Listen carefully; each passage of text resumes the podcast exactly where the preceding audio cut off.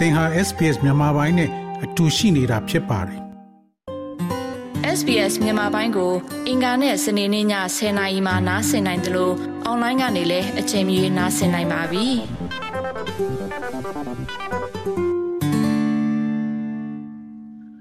တော်ရရှိမြခင်ဗျာယခုအခါ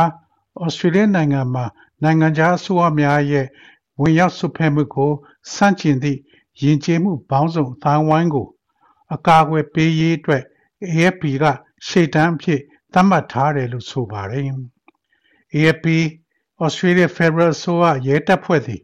ရာဇဝတ်မှုဆိုင်ရာ အပြုအမူကို သတင်းပို့ရန် Australia သို့ ရောက်ရှိလာသော အခြေချနေထိုင်ကြသူများကိုပုံမလာရောက်သတင်းပေးရန် မျှော်လင့်ချက်ဖြင့် လှုပ်ရှားမှုကို စတင်ခဲ့ပါတယ်။ဤချီကမှုအသည့်သည် cyber လုံခြုံရေးကို မြင့်တင်ရန် Federal ဆိုရရဲ့တွန်းအားပေးမှုတစ်ခုနဲ့လည်းတိုက်ဆိုင်နေပါတယ်။၎င်းသည် အမျိုးသားလုံခြုံရေးကိစ္စလည်းဖြစ်တယ်လို့ဆိုပါတယ်။အမျိုးသားလုံခြုံရေးသည် Federal ဆိုရ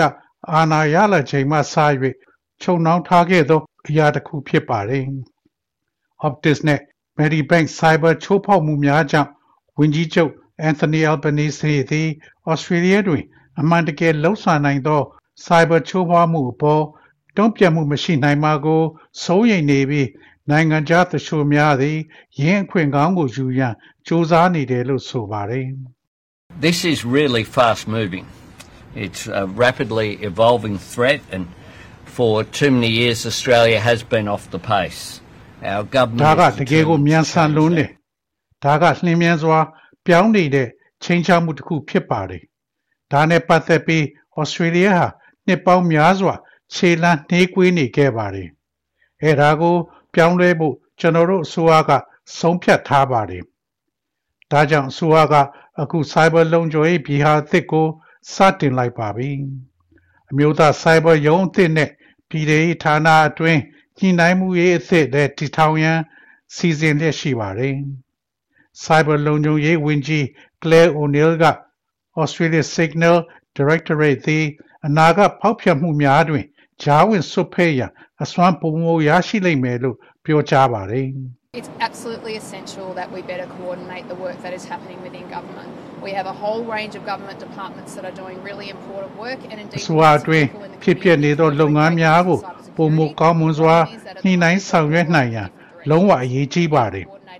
ကျွန်ုပ်တို့မှာအမှန်တကယ်အရေးကြီးသောအလုပ်များကိုလှုပ်ဆောင်နေသော အစိုးရဌာနအစုံလင်ရှိပြီး cyber လုံခြုံရေးအတွက်ကောင်းမွန်သောအရာများကိုလှုပ်ဆောင်နေသော community အတွင်းရှိ လူအများပြားလည်းရှိနေပါတယ်ပြဿနာကတော့အခုချိန်မှာသူတို့အားလုံးကလမ်းကြောင်းအမျိုးမျိုးနဲ့ကိုယ့်ဘာသာသွားနေကြတာပါအဆိုပါကောင်းမွန်သောအလုပ်များအားလုံးသည်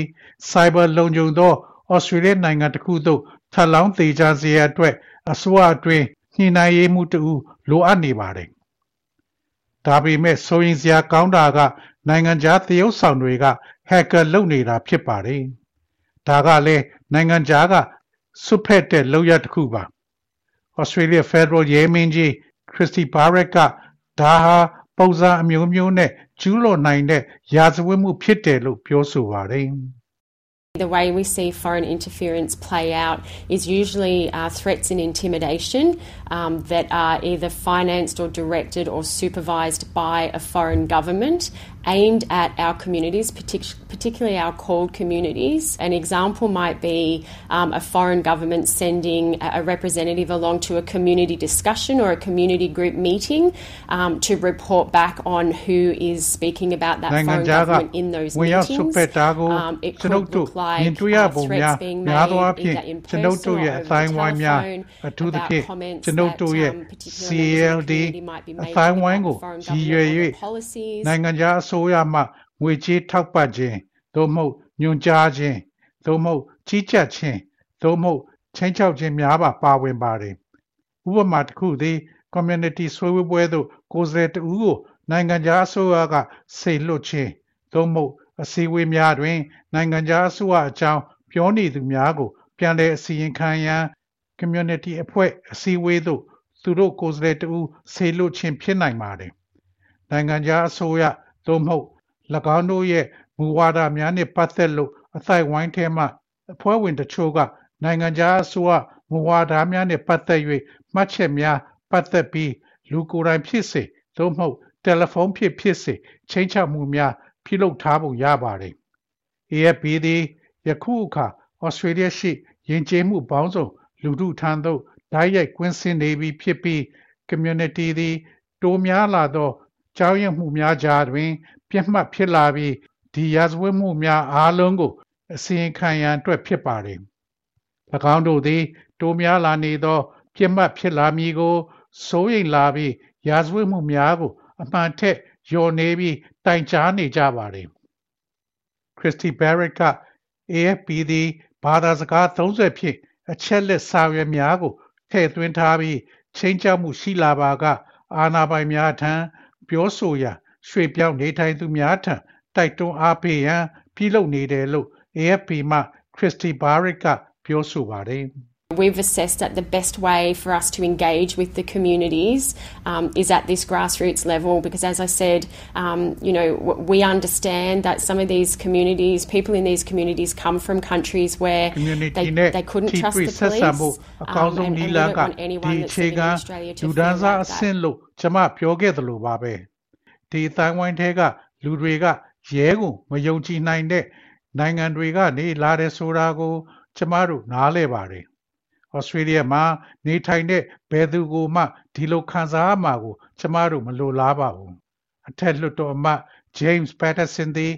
Coalition အဖွဲ့ရဲ့ Cyber လုံခြုံရေးပြောရေးဆိုခွင့်ရှိသူဖြစ်ပါတယ်။ Coalition အဖွဲ့သည်အစိုးရနှင့်အမျိုးသားလုံခြုံရေးအတွက် AFP ရဲ့စိုးရိမ်မှုများကို မျှဝေတယ်လို့၎င်းကပြောဆိုပါတယ်။ It is critically important that we remain on top of the threat of foreign interference, particularly the way in which it affects diaspora communities, many of whom are under very serious and sustained harassment and coercion from foreign authoritarian governments. နိုင်ငံခြားဝင်ရောက်ဆွတ်ဖက်ခြင်းရဲ့ချိန်ချိုင်မှုအပေါ်ကျွန်ုပ်တို့ဆက်လက်သတိရှိနေရန်အရေးကြီးပါတယ်။အထူးသဖြင့်အဲဒါက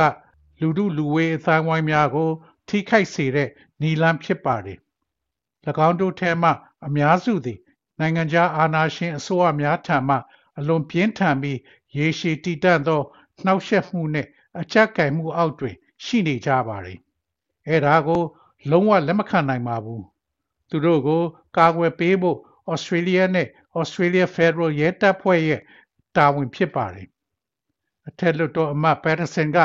အသိပညာပေးမှုကိုကြိုးဆိုတော်လဲ AFP မှတည်ဆဲဥပဒေများကိုပုံမအသက်ဝင်အောင် လှုပ်ဆောင်စေလိုကြောင်းပြောဆိုပါတယ်။ Since these reforms passed in 2018, only one person has been charged with an offence uh, of foreign interference. Uh, that is difficult to reconcile with the observation of the ASIO Director General Mike Burgess that espionage and foreign interference is our principal security concern and is at higher levels than it was at even the height of the Cold War. Uh, so we need to match this uh, welcome awareness raising activity by the AFP နိုင်ငံခြားဝင်ရောက်စုဖက်မှုကျူးလွန်ခြင်းဖြင့်တရားစွဲဆိုခံခဲ့ရပါတယ်။တရှိုနဲ့ နိုင်ငံခြားဝင်ရောက်ဆွတ်ဖက်မှုသည်ကျွန်ုပ်တို့ရဲ့လုံခြုံရေးအတွက်အဓိကစိုးရိမ်ကြောင်း ASIO ညွှန်ကြားရေးမှူးချုပ် Mike Burgess ကလေးလာတွေ့ရှိခြင်းနဲ့အတူညှိနှိုင်းရန်ပြုလုပ်နေပါတယ်။၎င်းသည်စစ်အေးတိုက်ပွဲအချိန်အားထက်ပိုမြင့်မားသောအဆင့်တွင်ရှိနေပါတယ်။ထို့ကြောင့် AFP မှဤဥပဒေများကိုပုံမတက်ကြစွာကျင့်သုံးခြင်းဖြင့် AFP မှအသိပညာမြင့်တင်ရေးလှုပ်ရှားမှုနဲ့ကိုက်ညီရန် လိုအပ်ပါတယ်။ဒါပေမဲ့ AFP ကအတတ်နိုင်ဆုံးလုပ်နေတယ်လို့လည်းသူကပြောပါတယ်။ Whilst um you know, we have that legislation, and that's great because there are many countries that don't have this particular legislation around foreign interference. Uh, it is um, a complex crime type um, to collect evidence against um, to meet the threshold for criminal prosecution. ဥပဒေရှိတာကအလွန်ကောင်းပါတယ် နိုင်ငံခြားဝင်ရောက်ဆုတ်ဖက်မှုနဲ့ပတ်သက်ပြီးဤဥပဒေမရှိသော နိုင်ငံများစွာရှိပါတယ်။ရာဇဝတ်မှုဆိုင်ရာတရားစွဲဆိုခြင်းဆိုင်ရာသတ်မှတ်ချက်များနဲ့ပြည့်မီရန်အထောက်အထားများစုဆောင်းရန်ကရှုပ်ထွေးသော ရာဇဝတ်မှုအမျိုးအစားဖြစ်ပါတယ်။တစ်ချိန်တည်းမှာပင် cyber လုံခြုံရေးကိုအမျိုးသားလုံခြုံရေးပြဿနာဖြစ်ဆက်လက်အာရုံစိုက်ခဲ့ပါတယ်။အစိုးရက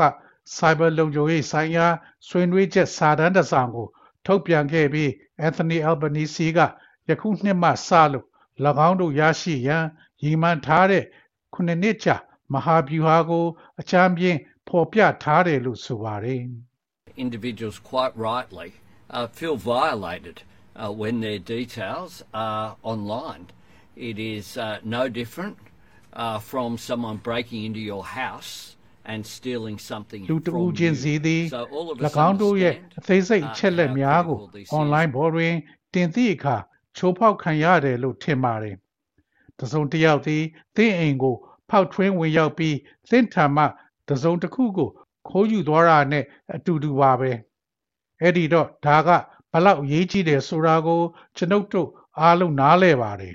။သောရရှင်များခင်ဗျာ SBS သတင်းဌာနက Deborah Goroki နဲ့ Anna Henderson တို့ရဲ့ဆောင်းပါးကိုဘာသာပြန်တင်ဆက်ပေးထားတာဖြစ်ပါတယ်ခင်ဗျာ sbs.com.au/bemis ကို home နေရာမှာထားပြီးတော့အမြဲတမ်းနှားဆင်နိုင်ပါတယ်။နောက်ဆုံးရသတင်းတွေ၊စောင်းမားတွေနဲ့စစ်တမ်းတွေမှာပါဝင်ပြီးတော့ဆက်သွယ်မှုလုပ်နိုင်ပါတယ်။ sbs.com.au/bemis ဖြစ်ပါတယ်ရှင်။